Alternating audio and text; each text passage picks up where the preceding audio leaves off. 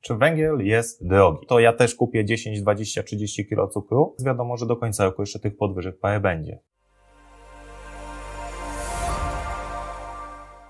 Witam Państwa bardzo serdecznie na kanale Silver Star Inwestycje Kobiecym Okiem. Gościnnie w studio Komparika moim gościem jest dzisiaj Bogusz Julian Kasowski, twórca bloga Prywatny Inwestor. I dzisiaj chciałabym o surowcach porozmawiać w kontekście surowca, który jest na ustach wszystkich i stał się naprawdę popularny, jeśli chodzi o media głównego nurtu. Jaka jest aktualna sytuacja węgla na rynkach surowcowych? Czy węgiel jest drogi? I to jest e, pierwsza rzecz, która się rzuca w oczy, ponieważ e, ta cała sytuacja konfliktu na Ukrainie wypchnęła nam węgiel na najwyższe poziomy od tak naprawdę historyczne, bo przebiliśmy te poziomy 200-250 dolarów za tonę, dobijając do 400, obecnie to jest troszkę ponad 300 dolarów za tonę. I sytuacja wcale się nie będzie poprawiała, bo jeżeli mamy środek lata, znaczy właściwie początek lata, bo trzeba powiedzieć, że w sumie ten okres czerwiec, e, kiedy mieliśmy te najwyższe ceny, to jest taki początek lata. Jeżeli już w tym momencie mamy tak wysokie ceny, to im bliżej tej zimy, im większe będzie zapotrzebowanie, tym te ceny będą nam jeszcze bardziej rosły. Tu oczywiście dla nas w Europie jest wielką niewiadomą, co zrobi Rosja z gazem. Na ile oni tutaj będą odcinać dopływ przez Nord Stream 1, czy będą tutaj starać się właśnie szantażować Europę, w, choć jak widać, odcinanie gazu od krajów, które się nie zgodziły na płatność w rublach, wcale nie pomogła e, w żaden sposób Rosji. Kolejne rundy sankcji są nakładane na Rosję. Ale w tej sytuacji tu już nie tylko chodzi o sam gaz z Rosji, tu chodzi o ogólne zapotrzebowanie ze względu na zmiany klimatyczne, bo to wszyscy, myślę, odczuwamy na dworze, e, że te zmiany są i potrzebujemy prądu latem, potrzebujemy prądu zimą, a węgiel jest nie tylko kwestią dogrzania, ale też przede wszystkim mamy elektrociepłownie. Więc e, one pracują cały czas. E, mieliśmy tutaj w końcówce lipca już system, sieć całą tak naprawdę awarii. Mamy olbrzymie zapotrzebowanie w Stanach Zjednoczonych, w Chinach. Chiny już od ubiegłego roku mają, miały regularne backouty całych regionów, które są wielkości naszych województw. Są to tendencje globalne. Tak, więc tutaj e, i do tego dochodzą jeszcze kwestie podażowe. W Australii powodzie plus brak możliwości przy tranzytu pracowników ze względu na COVID-19 doprowadziły do zmniejszenia produkcji. I mowa tu oczywiście o niedużym zmniejszeniu, o 4-5%. Tak więc to się wydaje niedużo, ale to jest po prostu 4-5% mniej tego węgla. E, największą e, zagrożeniem tak naprawdę dla świata jest sytuacja, w której, i to dotyczy nie tylko węgla, ale sytuacja, w której Stany Zjednoczone z Rosją zaczną postępować jak z Iranem i Wenezuelą. Czyli my nakładamy sankcje, cały świat ma się stosować. W tej chwili tego nie ma. W tej chwili Stany podkreślają, że żywność z Rosji można kupować, nawozy można kupować, to tylko jest to oddolne samosankcjonowanie się spółek, które nie chcą robić interesów z Rosją ze względów e, społecznych i moralnych, bo ludzie jednak jeszcze przekładają tą moralność ponad e, bezpieczeństwo żywnościowe czy bezpieczeństwo nawet energetyczne.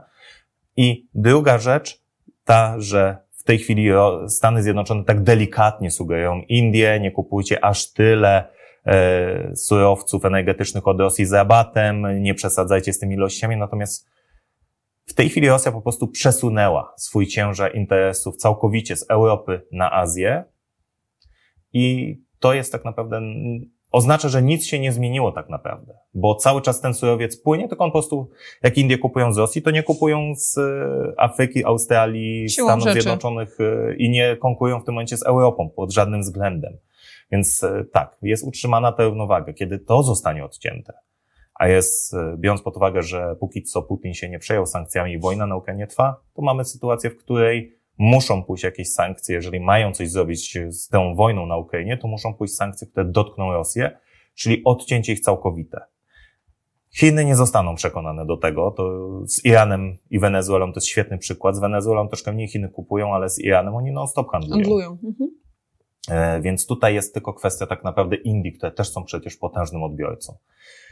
Natomiast wracając do samego węgla, temat jest naprawdę bardzo mocno głęboki, ponieważ Niemcy będą zwiększać zapotrzebowanie, bo dalej oni chcą zamknąć elektrownie jądrowe w tym roku i zastąpić je węglowymi tymczasowo, co jest no troszkę głupotą, no ale nie po raz pierwszy politycy podejmują głupie decyzje.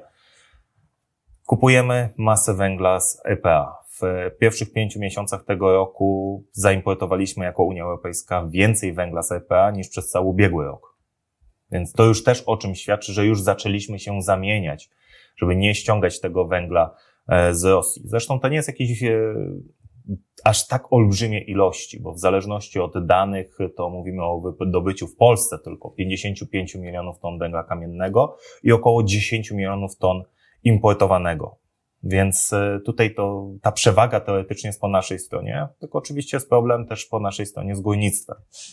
Bo przy jakichkolwiek e, cenach e, węgla, to niestety nasze górnictwo jest nierentowne.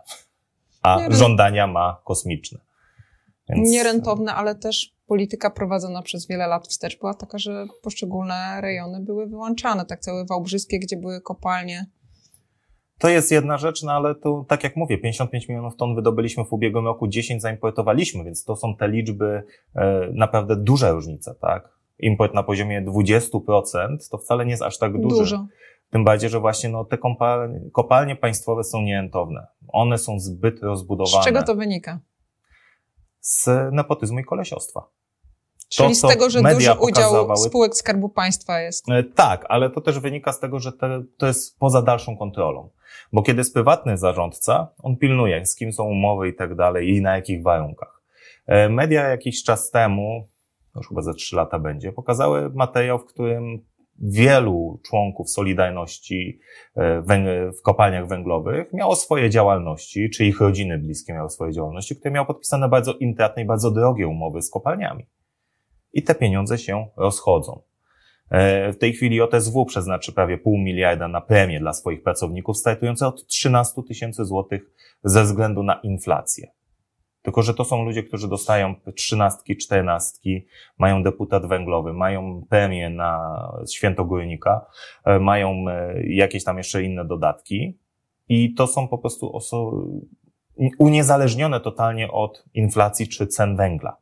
I to jest największy problem dla naszego sektora państwowego wydobywczego, że jest to poza absolutnie kontrolą, jest to maksymalnie wykorzystywane przez zarządy, przez związkowców. Związkowców. I przez samych górników, którzy po prostu tak, mają ciężką pracę, za to im należy się wynagrodzenie. Natomiast e, jakiekolwiek premie powinny być uzależnione od zysków spółki. Kilka lat temu też e, którejś ze spółek węglowych, chyba też JSW, ale głowy nie dam, poszła informacja, że będzie miała mniejszą stratę niż było prognozowane. To, co zrobili, wypłacili premię, żeby dorównać do prognoz. Ze stratą. Nawet ciężko Więc, to komentować. Tak, to jest chore po prostu. I w tym momencie się nie dziwię, że sytuacja jest taka, jaka jest, bo przy cenach, kiedy mieliśmy te szczyty po 200 dolarów, do, Polski, do polskich kopalni trzeba było dokładać. A to były wtedy szczyty, gdzie koszty wydobycia tony węgla w Australii, która jest krajem bogatszym, z wyższą pensją, z lepszym trochę systemem jednak gospodarczym, są na poziomie 70 dolarów za tonę. Teraz, już po tych wzrostach inflacyjnych. Jeśli nie oglądasz mnie na YouTube i wolisz słuchać wszystkiego w formie podcastu, zapraszam Cię na Spotify, Google Podcasts i Apple Podcasts. Tam znajdziesz cały kontent w formie audio. 22 lipca nagrywamy to dzisiaj, kiedy mm, do mediów dostała się informacja, że e, no, zaakceptowano, przegłosowano ten dodatek do węgla w kwocie 3000 zł. Jak to Twoim zdaniem może wpłynąć no, w najbliższych y, momentach w Polsce na cenę tego surowca?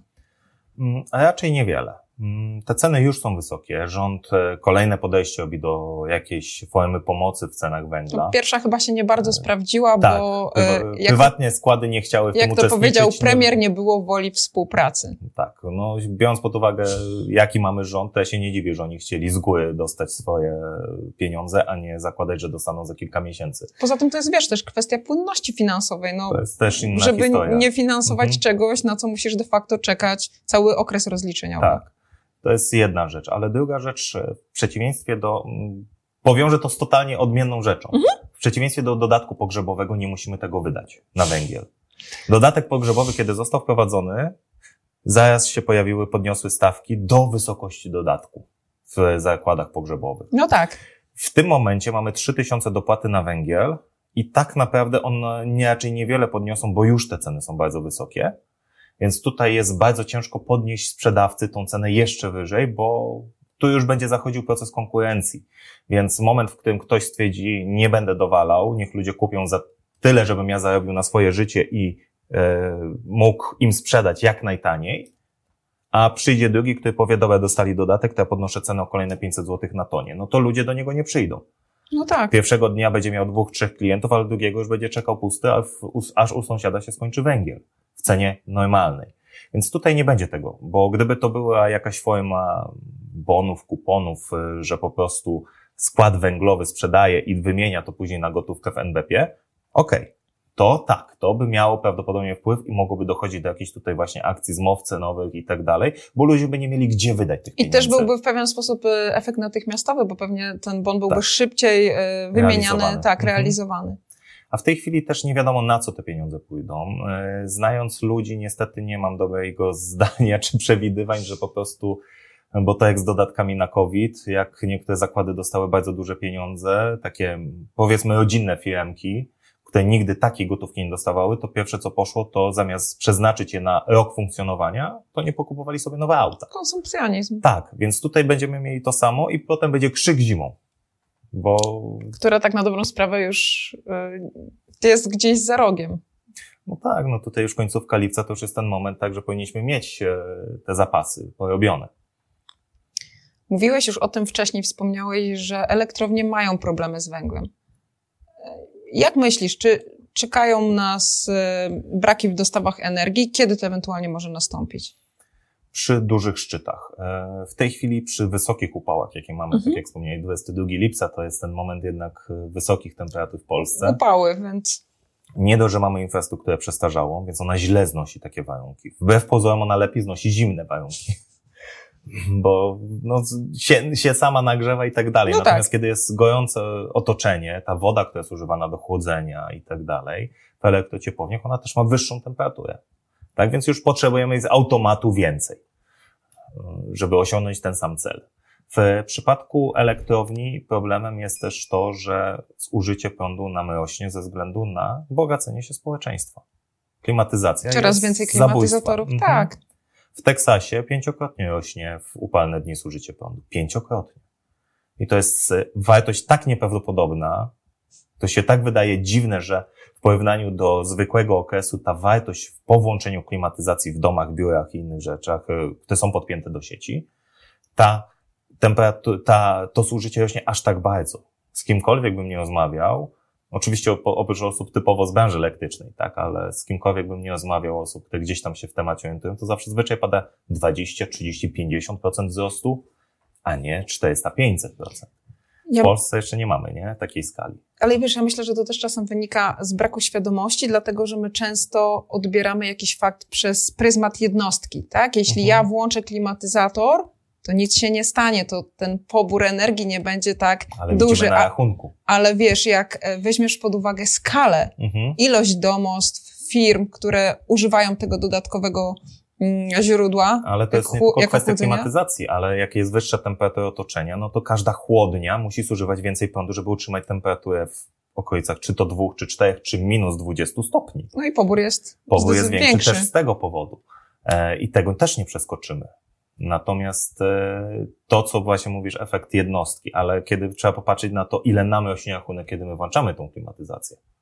No tak. No to zużycie, kiedy, no wiem, że mniej osób analizuje, ale warto sobie, jeżeli ktoś ma klimatyzator, czy jakieś inne urządzenia, które włącza okresowo, elektryczne i czasami bez jakiegoś nadzoru, warto spojrzeć w rachunek i zobaczyć, jakie ma zużycie prądu w danym okresie w używania tego urządzenia, o ile mu to skacze.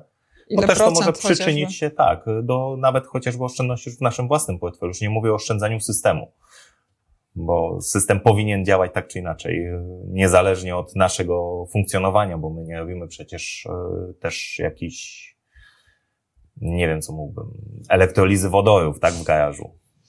No tak, mówisz o tym i Właściwie to chyba wypada zadać pytanie, czy kryzys energetyczny stał się już faktem? Komisja Europejska też już zaleca z kolei ograniczenie zużycia gazu chyba o 15% od 1 sierpnia do, do chyba 31 marca tak. przyszłego roku. No w związku z tym to o czymś świadczy? Mamy braki węgla, problemy z gazem? Użycie gazu jest e, takim e, przygotowaniem się, bo jeżeli Rosja odetnie całkowicie gaz do Unii Europejskiej, przynajmniej bezpośrednio, bo nadal możemy, nadal może Turcja pompować do oporu z Rosji i na moc sprzedawać, tak jak my odkupujemy rosyjski No gaz tak. od Niemiec, oczywiście płacąc więcej. Przecież na tym polega sankcjonowanie Rosji, że Rosja nadal zarabia, ale to my płacimy więcej. Więc e, tutaj e, są jakieś sposoby obejścia tego, jak, tam, częściowo przynajmniej. Natomiast Unia Europejska chce się przygotować na to. Nie jestem zwolennikiem specjalnie teorii spiskowych, więc tutaj nie będę szu- doszukiwał się jakiś e, New World Order i tak dalej. Natomiast to jest, e, to jest po prostu gdzieś naturalna kolej rzeczy, że jeżeli odcinamy tak istotne źródło, tak naprawdę źródło, które odpowiadało za 40-50, w niektórych krajach 60% podaży gazu, no to muszą być tego konsekwencje, bo tego się nie da No nie zastąpić ma z dnia skutku bez przyczyny, Tak no jasne. tego gazu też nie magazynowaliśmy nie wiadomo ile na świecie, żeby teraz powiedzieć, dobra, to wy- skoro odcinamy Rosję, to my sobie kupimy gdzie indziej. W przypadku Paladu to w EPA powiedzieli wprost. Jeżeli przez pięć lat nam się uda zastąpić produkcję rosyjską, to będzie sukces. Przez I- pięć lat. Przez pięć lat, a nie w tym samym roku. Więc y, i to samo dotyczy innych surowców. Też nie jesteśmy w stanie zwiększyć produkcji gazu, eksportu gazu ze Stanów Zjednoczonych, bo to też jest proces, który to, co w tej chwili Stany będą zwiększać w y, przyszłym roku, zwiększyli w tym roku, to są procesy, które się rozpoczęły kilka lat wstecz. No tak, to nie jest tak, że pewne luki możemy zastąpić z dnia na dzień po prostu ad hoc, bo taka jest decyzja, nie wiem, Polityczna. polityczna. Tak, to, że ktoś powie e, w lipcu ocieplajcie domy, to nie znaczy, że każdy przed sezonem zdąży to zrobić. No raz, że to kosztuje, dwa, w, y, dostępność materiałów też jest ograniczona. Jasne, że tak. E, Fakt, że już w tej chwili, jeżeli chodzi o akurat materiały dociepleniowe, to mam tam troszkę informacji bezpośrednio, że nie ma już w tej chwili problemu takiego, jaki był w ubiegłym roku. Ale jeżeli ludzie się zaczną rzucać, a powinni, bo tu niestety właśnie trzeba będzie starać się, bo im więcej my będziemy obciążać system, bo może się okazać, że co innego jest, kiedy rząd będzie mówił, czy Komisja Europejska, zmniejszmy temperaturę w domach do 17 stopni. To oni sobie mogą mówić.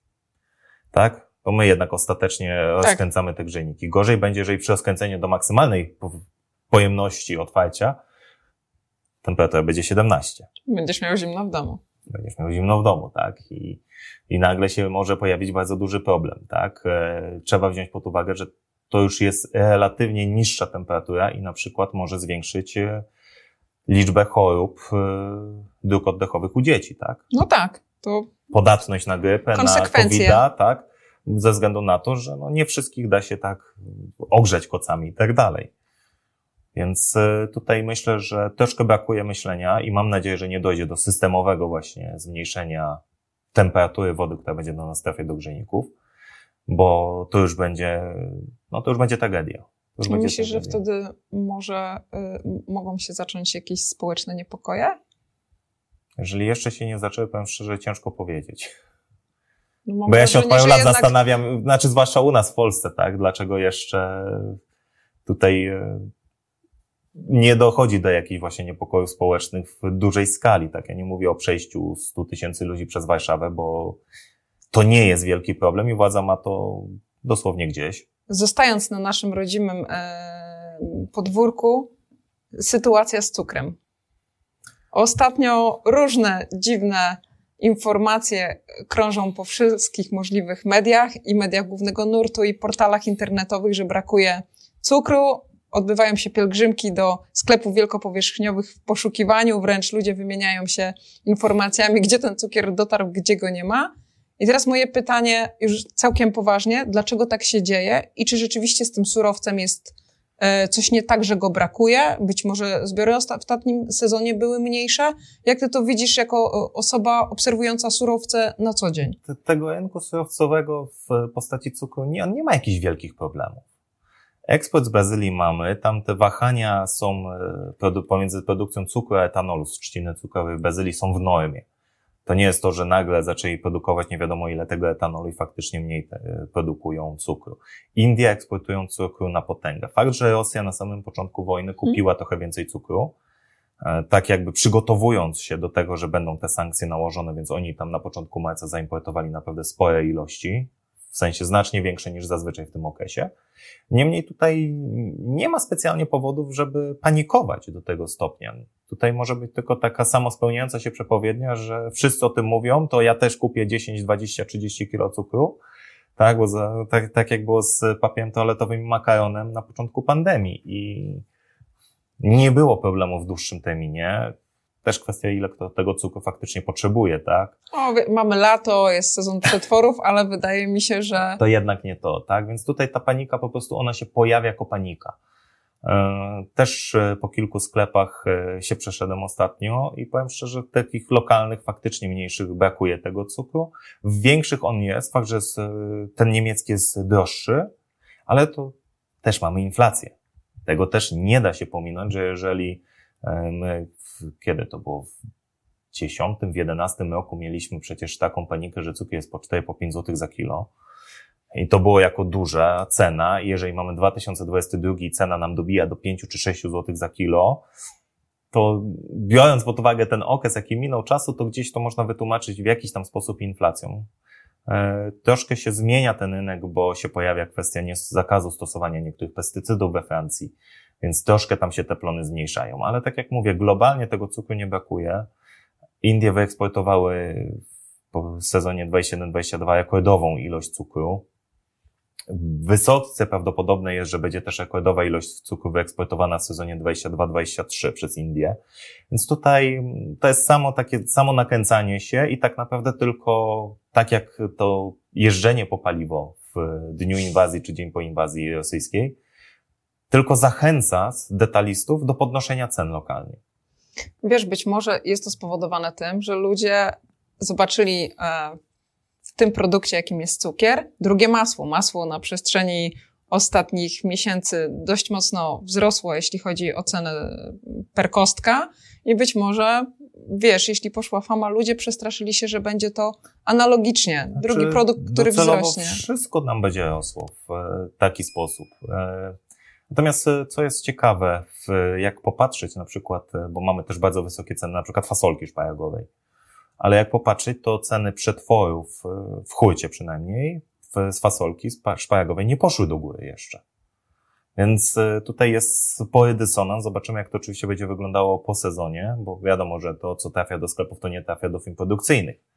I one też będą zmagały się z wyższymi kosztami energii. Pamiętajmy, że e, w Polsce mamy wysoką inflację znacznie wcześniej niż wojna. Świat się zmaga z inflacją od wojny, kiedy wszystkie surowce wystrzeliły na bazie po prostu nie wiadomo co będzie. I to nam rozpoczęło ten rajd inflacyjny dla świata. My 8,5% takie... mieliśmy, w, ale my 8,5% mieliśmy, mieliśmy w listopadzie. E, tarcza antyinflacyjna została wprowadzona przed wojną. Obniżki VAT są przed wojną. To, co w, rządy światowe robią w tej chwili, żeby walczyć z inflacją, i to jest prawidłowe. Obniżki VAT-owe jak najbardziej. Tylko tym, za tym powinny iść oczywiście cięcia w budżecie, żeby to zbilansować, tak? W Polsce jest odwrotnie. E, I wtedy polityka polity, Rady Polityki Pieniężnej w postaci podnoszenia stóp ma potencjał, no a w tej chwili to niestety nie ma szansy zadziałać. Bo Rada Polityki Pieniężnej podnosząc stopy procentowe wylewa wodę wiaderkiem, a rząd rąbie się kieją w dno i się dziwi, że nabieramy wody. Więc e, to wygląda w ten sposób. I ta inflacja, która jest z nami, ta inflacja cen energii, to, że my jesteśmy chronieni taryfami odgórnie ustalonymi, które wzrosną o kilkadziesiąt, o kilkaset procent od przyszłego roku, o czym już zapowiada Urząd Regulacji Energetyki, przedsiębiorców dotyczy od ubiegłego roku. Dlatego w Europie się pozamykały huty stalowe, bo było za drogo. Jest za drogo. Znaczy oni na razie się wygasili, tak? To nie jest to, że się zamknęli na amen, na razie się wygasili, poczekamy, zobaczymy. Jeżeli faktycznie przedsiębiorcy się zmagają, z, znaczy oni się faktycznie zmagają z takimi wysokimi cenami energii od ubiegłego roku, to nie ma co się dziwić, że ta inflacja jest.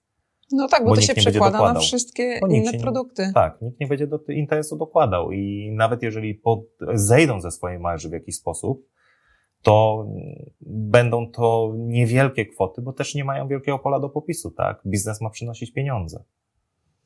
Wiesz co, myślę, że to też jest problem, że często patrzymy na inflację jako po prostu inflacji, a nie patrzymy na to jako proces i na sieć zależności, na to, że to jest łańcuch e, ogniw połączonych i tak na dobrą sprawę, tak jak mówisz, to musi się wszystko bilansować i musi przynosić zyski. Nikt nie będzie dokładał dlatego, żeby ktoś e, po prostu mógł mniej e, zapłacić pieniędzy z portfela, nie? Żeby to... No ale to jest generalnie problem edukacji, braku edukacji tak. ekonomicznej. I stąd e, twój kanał, moje blogi właśnie ma, muszą to szerzyć, bo na wiedzę ze strony państwa systemową nie ma co liczyć. Bo niestety tak to wygląda, bo to, czego uczą w szkołach, to nie uczą o tym, jak wyglądają te procesy, co jest zamierzone przez polityków, bo dużo łatwiej sterować ludźmi, którzy nie mają pojęcia, bo wyjdzie premier i powie, jest wszystko ok, tak? Inflacja to jest e, Putin, to jest Tusk, to jest... E, Samo zło. Tak, tak, tak. Wszyscy, a my robimy wszystko ok, tak? My dajemy wam pieniądze, tak? Tylko, że żeby wydać 3000 na tonę, to zabieracie wpierw od ludzi 300 albo 3300 i potem dopiero 3 oddajecie. To prawda, jest bardzo mała świadomość tego, że żeby dostać, to tak na dobrą sprawę oddaje się to w podatkach i, i jakby te pieniądze od nas i tak odpływają w zwiększonej ilości, a my tylko e, dostajemy jakąś część. Chciałam Cię jeszcze zapytać o, o to, jak wygląda aktualna sytuacja na rynku pszenicy. Mówi się, a mamy teraz okres żniw i mówi się o tym, że polscy rolnicy nie będą mieli gdzie składować swojego zboża, e, bo silosy są załadowane zbożem z Ukrainy. Jak, jak to wygląda? Znaczy z Ukrainy przyjeżdża tyle, ile może ciężarówkami, e, troszkę mniej pociągami. Mimo, że pociągi mają większą ładowność, to jednak e, problem z ostrzałami, problem z inną szerokością torów, to jest problem, kiedy się toczy wojna. Bo w sytuacji normalnej to jest po prostu kwestia czasu, który tam przedłużamy, ale kiedy toczy się wojna, ten transport spowalnia. Ten transport, który ma znaną, stałą linię i wiadomo, że jednym strzałem jesteśmy w stanie zatrzymać E, półtorej, dwa tysiące ton. E, to samo dotyczy statków, tak? E, teraz jest kwestia przede wszystkim tego, czy Rosja i Ukraina dogadają się co do eksportu zboża z Ukrainy, ale mamy, patrząc po cenach na rynku, które spadły o te 30-40% od szczytów wojennych, mamy mega optymizm na rynku. Przejechałem w tym miesiącu całą Polskę wzdłuż i wszerz i po prostu patrząc po tych polach, tylko przejeżdżając i widząc te różnice między tymi polami położonymi obok siebie, e, to widać, jak, e, jakie skrajności będą jakościowo. Niemcy mówią, że pszenica o zima jest ok. Przy pierwszych zbiorach Niemcy podali, że jest jakościowo jest zróżnicowanie, ale nie ma tragedii. Natomiast pytanie jest, jak wygląda kwestia z pszenicą letnią, pszenicą, która była mniej nawożona. Od lutego mamy w Polsce, jeszcze przed wojną, znaczną podwyżkę cen nawozów i to dotyczy całego świata. E, więc e, tutaj e, te ceny nawozów, one już podskoczyły przed wojną i to bardzo, bo tak jak w ubiegłym roku się kupowało po 1000-1500 za tonę, tak w tej chwili się kupuje po 6000 i też jest problem z dostępnością. To są ceny energii przemysłu, która zostaje przerzucona, tak, no te produkty, które są najbardziej energochłonne w produkcji, tu mówimy właśnie o stali, o nawozach, one najbardziej dostały ceną, i dostępnością. No tak. Więc y, to jest bardzo duży problem, bo a jeszcze dorzucając właśnie tą kwestię na eksportu nawozów z Rosji i Białorusi, tak, od rozpoczęcia wojny. Jeśli mamy na świecie 222 miliony hektarów mniej więcej obsiane pszenicą, jeżeli nawożenie zmniejszymy, a w Brazylii powiedzieli, że 60% na rolników powiedział, że o 20% zmniejszy nawożenie. Co najmniej. Więc jeśli to jest trend globalny, że to nawożenie będzie mniejsze ze względu na koszty, ze względu na dostępność, bo to są dwa czynniki, które są w tym momencie kluczowe, wystarczy jedna dziesiąta tony z hektara mniej. I to jest 22 miliony tony pszenicy globalnie mniej. Mniej. 20 milionów ton zgromadzone na Ukrainie nie zbilansuje już tego. Pomijając fakt, że nie, jest, nie jesteśmy w stanie tego wyeksportować. W czasach pokoju Ukraina eksportowała około 6 milionów ton miesięcznie. Żeby mieć gdzie przechowywać swoje zboża Ukraina w tej chwili, które zbiera, w tej chwili, które będzie zbierać za miesiąc, mamy 20 do wywiezienia, potrzebujemy 3 miesiące, a mamy 6 tygodni. I to w warunkach pokojowych wywozili 6 milionów, a teraz mówimy o tym, że część statków nie popłynie, bo ubezpieczyciele już krzywo patrzą, no bo jednak statek będzie płynął przez pole minowe. E, korytarze humanitarne były ostrzeliwane przez Rosję, przynajmniej tak podawały media. E, więc tutaj pytanie, co będzie ze statkami. Przecież od początku wojny co najmniej trzy statki handlowe na Morzu Czarnym zostały ostrzelane przez Rosjan. E, na samym początku, w końcówka lutego, początek marca. Więc statki handlowe. I w sytuacji, w której jeszcze tej wojny tak naprawdę na Morzu Czarnym od strony Morza Czarnego jeszcze specjalnie nie było. Więc tutaj jest bardzo wiele niewiadomych, dlatego mówię, że jest mega optymizm z punktu widzenia inwestycyjnego, bo te ceny są bardzo, bardzo niskie pszenicy. I no, logika podpowiada, że nie są w stanie wyeksportować tej ilości, żeby zwolnić oni swoje silosy. Bo nawet jeżeli będziemy przesyłać jakimś cudem po dwa pociągi dziennie z Ukrainy, po dwa tysiące ton do Polski i Rumunii, plus statki w tej samej ilości, czyli będziemy mieli 6 milionów plus dwa pociągi dziennie po dwa tysiące, to nadal do końca sierpnia nie wywieziemy tego zboża. Więc y, tutaj nie ma szans. Kwestia jest jakości, jaka będzie u nas w Hiszpanii, we Francji, bo ta susza po prostu jest wszędzie. E, w Niemczech też jest susza. Na Enie, czyli no, olbrzymie, chyba to jest największa niemiecka rzeka, mamy statki, które pływają obładowane od 50 do 70% mniej. Żeby. Bo inaczej nie przepłyną, tak? Bo jest za płytko. Za niski stan wód. Tak. I w największej, dłuż, najdłuższej rzece, rzece Włoch jest ta sama sytuacja, a nawet gorsza, bo tam już w, przy odpływie ocean się wdzieja w głąb rzeki i mamy słoną wodę w głąb rzeki. Nie można jej używać w ogóle do nawadniania. Więc tam też uprawy, tam akurat głównie arbuzy i pomidory, tak, ale jednak to też jest coś, co oberwie, bo tu mówimy o pszenicy, natomiast mówimy o tak naprawdę wszystkich uprawach. Docelowo również cukru jęczmień, żyto, owies, e, pomidory, ogórki, wszystkie warzywa. Tak naprawdę każda uprawa nawadniana. No susza dotknie wszystko, po prostu. Tak. I wielkościowo i jakościowo, bo to też nie jest tylko kwestia wielkości, ale też jakości. No i tutaj się nam nakłada jeszcze ten mniejszy stopień nawożenia, czyli znowu wypadkowa kilku czynników, która tak. się na siebie nakłada, plus tak. susza. A jeszcze przed wojną był deficyt pszenicy 13 milionów ton globalnie względem produkcja a konsumpcja.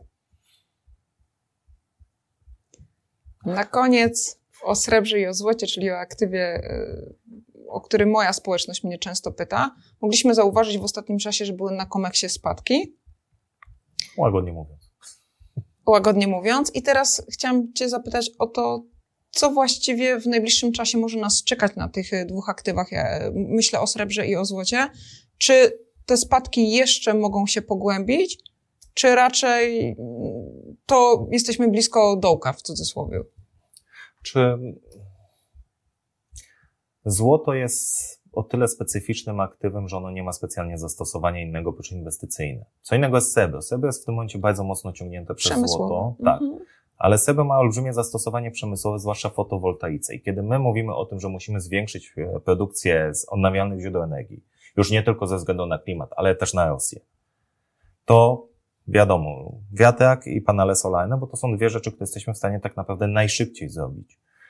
I teraz pytanie, dlaczego to SEBO, będąc, mając zaplanowany już deficyt na ten rok, bo on jest prognozowany, że będzie deficyt 7 e, milionów uncji SEBA w tym roku, Czyli będziemy produkować te panele, bo je potrzebujemy i Stany je potrzebują i my je potrzebujemy. Globalnie i, i, jest Indie. zapotrzebowanie. Tak, tak, tak. Więc y, tu wszyscy chcą kupować, jednocześnie aktywo, które się na to składa, nam spada. Podobnie jak miedź, której też wielokrotnie więcej idzie w przemysł. w przemysł, ale też właśnie w fotowoltaikę, czy w samochody elektryczne. Oczywiście przy recesji liczba sprzedaż samochodów elektrycznych nam spadnie, ale tej miedzi do odnawialnych źródeł energii idą olbrzymie ilości podobnie jak SEBA. Więc tutaj jest jakaś szansa, że kiedy dostrzegą to inwestorzy globalni, to SEBA się odewie od złota.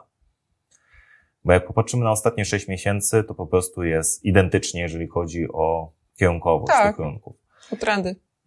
Ale w przypadku właśnie złota, to tutaj stopy procentowe w Stanach Zjednoczonych, tak? No tu jesteśmy przed spotkaniem e, Fedu, które jest zaplanowane na 20 chyba 6, jeśli dobrze 6 albo 7 tak, lipca. Tak, tak, w środę w każdym razie. E, I 7, bo 9, 29 to jest piątek. E, I w tym momencie Fed podnosi stopy procentowe. Wszyscy wiemy, że podniesie. E, na samym początku była taka dyskusja, że po ostatnim odczycie inflacyjnym, czy nie podniosą o 100 punktów bazowych. W tej chwili już jest mowa, że wahają się między 50 a 75. Jeżeli podniosą 75, na złocie już nie powinno być większej reakcji. Jeżeli podniosą o 100, to złoto nam spadnie. Jeżeli podniosą o 50, to złoto ma szansę na jakieś odbicie.